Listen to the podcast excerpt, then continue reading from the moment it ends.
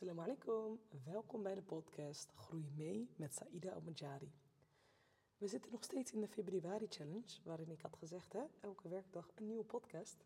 En ik vind het zo leuk om te zien uh, ja, dat er mensen zijn die gewoon elke dag even aan het wachten zijn voor een nieuwe aflevering. Dus enorm bedankt. Uh, mocht jij mijn podcast waardevol vinden, deel het dan. Ik zeg echt altijd, als jij ergens um, profijt van hebt, zorg dan dat jij niet de enige bent die er profijt van heeft. Zorg dat je altijd deelt. Dat is ook echt mijn reden waarom je mij heel vaak uh, tips en adviezen ziet geven. Of dat ik vertel hoe ik precies iets heb gedaan. Omdat ik iets heb van, weet je, als, als alle uh, uh, voor mij heeft voorbestemd of mij, mij, zeg maar, mij begeleidt of mij bepaalde kennis, in bepaalde kennis voorziet, een zegening voorziet, dan heb ik iets van nee, dat kan niet alleen voor mij zijn. Het kan niet zijn dat ik bepaalde groei kan meemaken uh, en dat dat alleen voor mij is. Dat, nee, dat voelt ook helemaal niet goed. Ik denk dat ik daarom ook de titel heb gekozen, Groei mee met Saïda Majari. Uh, want ik zie ja, ik zie graag de rest ook groeien. En het zou ook heel erg eenzaam zijn om in mijn eentje aan de top te komen. Uh, ja, dus doe je best en zorg dat je de adviezen die ik meegeef ook tot actie brengt, want anders heb je er echt niks aan. Vandaag wil ik het hebben over leiderschap. Leiderschap tonen als ondernemer. Nou, jullie weten dat ik, uh, tenminste, waarschijnlijk weet je dat ik heel actief ben op Instagram uh, onder de naam Saida laagstreepje Inspiration Woman. Maar dat betekent dat ik ook wel eens natuurlijk andere accounts zie. En ik coach natuurlijk ook andere mensen, andere ondernemers die op Instagram bijvoorbeeld actief zijn. En wat ik te vaak zie is dat er eigenlijk leiderschap ontbreekt. Nou, wat bedoel ik daarmee? Bijvoorbeeld vandaag toevallig zat ik nog te scrollen en ik zie dat iemand echt om meningen vraagt. Uh, dus diegene wil dan bijvoorbeeld een nieuwe beslissing gaan nemen. Dan vraagt diegene het aan de volgers. Van oké, uh, wat vinden jullie? Zal ik dit doen of dit doen? En daar ontbreekt dus leiderschap.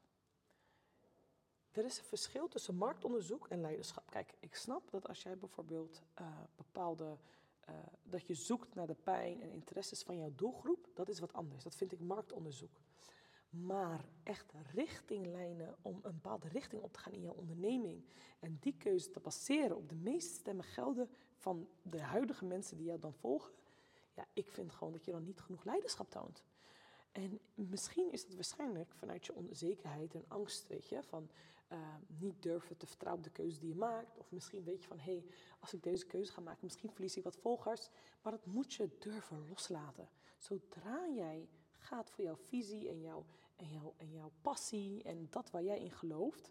En nogmaals, dat betekent ook soms vallen en opstaan. Soms kom je erachter dat een keuze niet altijd de beste keuze was, maar dat is dan wel jouw proces. Je zult merken dat dat vanuit een hele andere energie weer is. Kom ik weer van energie. En maar jullie weten wat ik bedoel, denk ik, in deze, in deze casus. Ik bijvoorbeeld, en ik, ik zeg, ik zal nooit bijvoorbeeld jullie dingen adviseren die ik zelf ook niet doe. Hè? Dus ik, dat vind ik echt belachelijk. Ik vind ook echt dat je daarvoor moet waken als je een coach kiest. Zorg dat je een coach, coach gaat kiezen. Uh, als diegene zegt van ik ga jou dit en dit uh, leren. Zorg dan dat je eerst ziet of die coach dat ook kan. Snap je wat ik bedoel? Bijvoorbeeld, ik ga niet mijn ondernemers iets beloven wat ik nog niet heb bereikt. Kijk, ik weet wel hoe ik 100.000 euro per jaar kan verdienen. Dus dat kan ik mijn coaches ook leren. Tenminste, coaches, het zijn vaak coaches, maar de ondernemers die ik weer coach leren. Uh, dus walk your talk, zeg ik altijd. Dus ook dit, wat ik nu zeg met leiderschap tonen, ik weet hoe dat is, dat proces. Ik heb dat bij het begin ook gehad. Dat ik soms te veel vroeg naar de mening van mijn volgers. Maar luister, als we ergens over eens kunnen zijn, is dat meningen enorm verdeeld kunnen zijn. En meningen, die veranderen ook. Ik bedoel, mijn mening van een jaar geleden over een bepaald onderwerp kan nu totaal anders zijn. Omdat ik groei, ik word gevormd, ik word beïnvloed, ik leer. Dus het is ook niet echt iets ja, feitelijk gegeven of zo. Dus als je mij volgt, dan zie jij ook dat ik keuzes maak die niet iedereen altijd durft. Ik durf mijn mening uit te spreken, ook al weet ik dat niet iedereen dat waardeert. Ik durf mijzelf te zijn waarin ik confronterend ben, wat ook niet iedereen waardeert. En ik durf ook te veranderen. Mensen hebben me jaren gekend vanuit volledige persoonlijke ontwikkeling. En ik ben gaan switchen naar ondernemers. Uh, omdat ik vond dat ik nu, omdat ik nu wel bepaalde omzetten draai en heel veel heb geleerd en geïnvesteerd, vond ik mij nu pas dat ik echt zelfverzekerd voor die rol kon staan van oké, nu ben ik, kan ik een business coach zijn die een ander succesvol uh, kan helpen met het opzetten van onderneming. Maar, kijk, jij kan misschien vanaf de buitenkant zien, oh ja, dat doet ze wel even. Nee, ik moet ook dat heel bewust doen. Ik weet dat ik volgers ga verliezen. En nog erger zelfs, ik kwets zelfs per ongeluk. Geloof me, ik kwets nooit iemand expres. Maar ik, ik, ik kom zelfs soms nu kwetsend over, omdat ik een hele grote doelgroep followingen nog heb van mensen die vanuit hun persoonlijke ontwikkeling mij volgden en vanuit hun pijn en, en die nog geheeld moeten worden. En nu een kant van mij zien waarin ik niet altijd rekening hou met die emoties, omdat met ondernemen, met ondernemen ga je niet met emoties zitten. Je zit op resultaten, op actie. Er is geen, ik ga geen ei over je bol, want we, zijn in actiemodus. Ik wil dat je successen hebt. Dus dat is een hele andere invalshoek ook, snap je? Dus ik, ik ga daar, omdat ik nu op ondernemen zit, ben ik sowieso gewoon nog confronterender dan ik was. Maar nu ga ik niet dubbel checken op, op mijn woorden, want ik ben gewoon resultaatgericht. En dan merk je, en misschien zie je het ook soms in, de reacties die worden gegeven, dat mensen daar soms best wel moeite mee kunnen hebben, omdat, iets hebben van, omdat dat mensen zijn die nog misschien midden in hun pijn zitten. Terwijl ik heb het helemaal niet over hun pijn, ik ben met mijn successen bezig, et cetera. Maar ik moet dat dus wel durven doen en dat is die leiderschap waar ik het net over had. Ik neem leiderschap in mijn onderneming. Ik kies voor een bepaalde strategie ik, wil, ik heb een bepaald doel waarin ik mensen wil helpen. En ik weet dat als ik terwijl ik naar het doel ga, dat er mensen weg gaan vallen. Dat er mensen gekwetst gaan raken, et cetera. En, en, sowieso dat mensen wat gaan vinden. Uiteraard, uiteraard. Stel je voor dat mensen geen mening zouden hebben. maar daar kies ik voor en ik sta daar volledig achter. En daardoor kan ik um, risico's nemen. Daardoor kan ik keuzes maken die mij zoveel bijbrengen. En kun je je voorstellen, kun je je voorstellen, lieve mensen, stel je voor dat ik die keuze nog niet had gemaakt. En dat ik zat te kiezen tussen, oké, moet ik op persoonlijke ontwikkeling blijven, waarin ik sowieso 100k per, per jaar kan verdienen, soms in een maand 40k, snap je? Uh, dat, dat kon ik voor kiezen, toch? Van ja, lekker, lekker geld verdienen. Ik heb de doelgroep, ik heb fans. Uh, ik ben er goed in, et cetera. Er zijn letterlijk, ik hoef nu een nieuwe cursus te bedenken op persoonlijk gebied. En ik weet zeker dat ik genoeg koops ga hebben. En dat is niet arrogant. Dat zijn gewoon cijfers, statistieken. En zelf, ja, zelfverzekerd op basis van mijn ervaring, et cetera. Op wat ik ook heb opgebouwd natuurlijk. Ik had daarvoor kunnen kiezen. Wat, wat denk je dat er zou gebeuren met... Ik heb meer dan 22.000 volgers. Als ik op mijn stories zou zeggen jongens, ik ben aan het nadenken of ik nu meer op ondernemers ga richten. Wat vinden jullie hiervan? Zal ik dat doen of zal ik blijven op persoonlijke ontwikkeling? Wat denken jullie dat er zal gebeuren? Eerlijk. Jullie, ik weet zeker dat je nu precies hetzelfde denkt als ik. En dat is ja, de meeste mensen zouden zeggen op persoonlijke ontwikkeling. Natuurlijk gaan ze dat zeggen. Het is ook heel logisch. Want zij volgen mij daarom. zij hebben uh, van de resultaten geproefd, van mijn online trainingen, van, van, van mijn live sessies, van alles wat ik deel.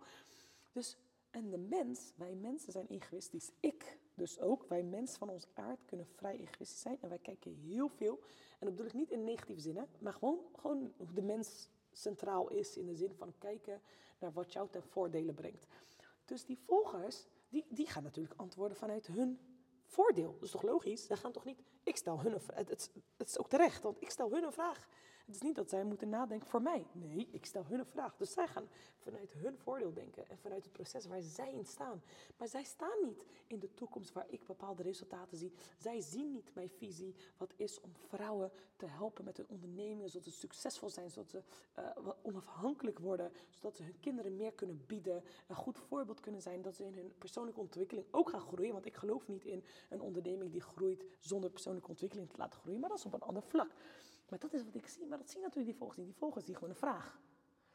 En dat is het gevaar dus. Hoe klein had ik mezelf gehouden? Ik zou deze grote sprongen dan niet hebben gewaagd.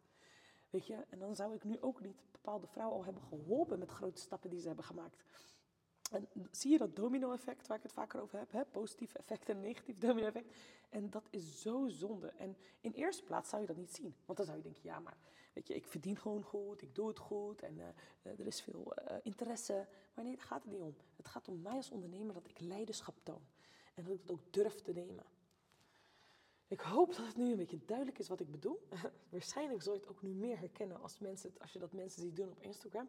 Nogmaals, er is een verschil tussen marktonderzoek en echt keuzes laten maken, beslissen op basis van meningen. Daar zit verschil. Want ik doe ook soms marktonderzoek. Als ik dan bijvoorbeeld zeg, ben je getrouwd of vrijgezel? Uh, ben je een ondernemer of in loondienst? Ben je, weet je, dat is marktonderzoek. Kijken van, oké, de following die ik nu heb en wat is zijn, waar kan ik er nu in dienen vanuit mijn grote doel. Dus dat is wel het verschil. Nou, ik hoop dat je hier heel veel aan hebt gehad. Uh, maak aantekeningen. Kijk even bij je eigen onderneming. Hoe doe ik dat nu? En waar zou ik nu, als ik eerlijk in ben, leiderschap in kunnen tonen? Welke keuze ben ik al heel lang aan het uitstellen? Zou ik eigenlijk al een tijdje willen doen? Of als ik het een ander zie doen, dan voel ik zeg maar positieve jaloezie. Weet je wel, dat je er echt naar kijkt van wauw, dat diegene dat durft. Of oh, dat zou ik ook wel willen. Wat weerhoudt jou nu? Het heeft geen zin om jouw angst te volgen. Geloof me, angst gaat jou niet verder brengen. Angst zorgt ervoor dat je bevriest en stilstaat en achteruit gaat. Dus kijk over je angst heen.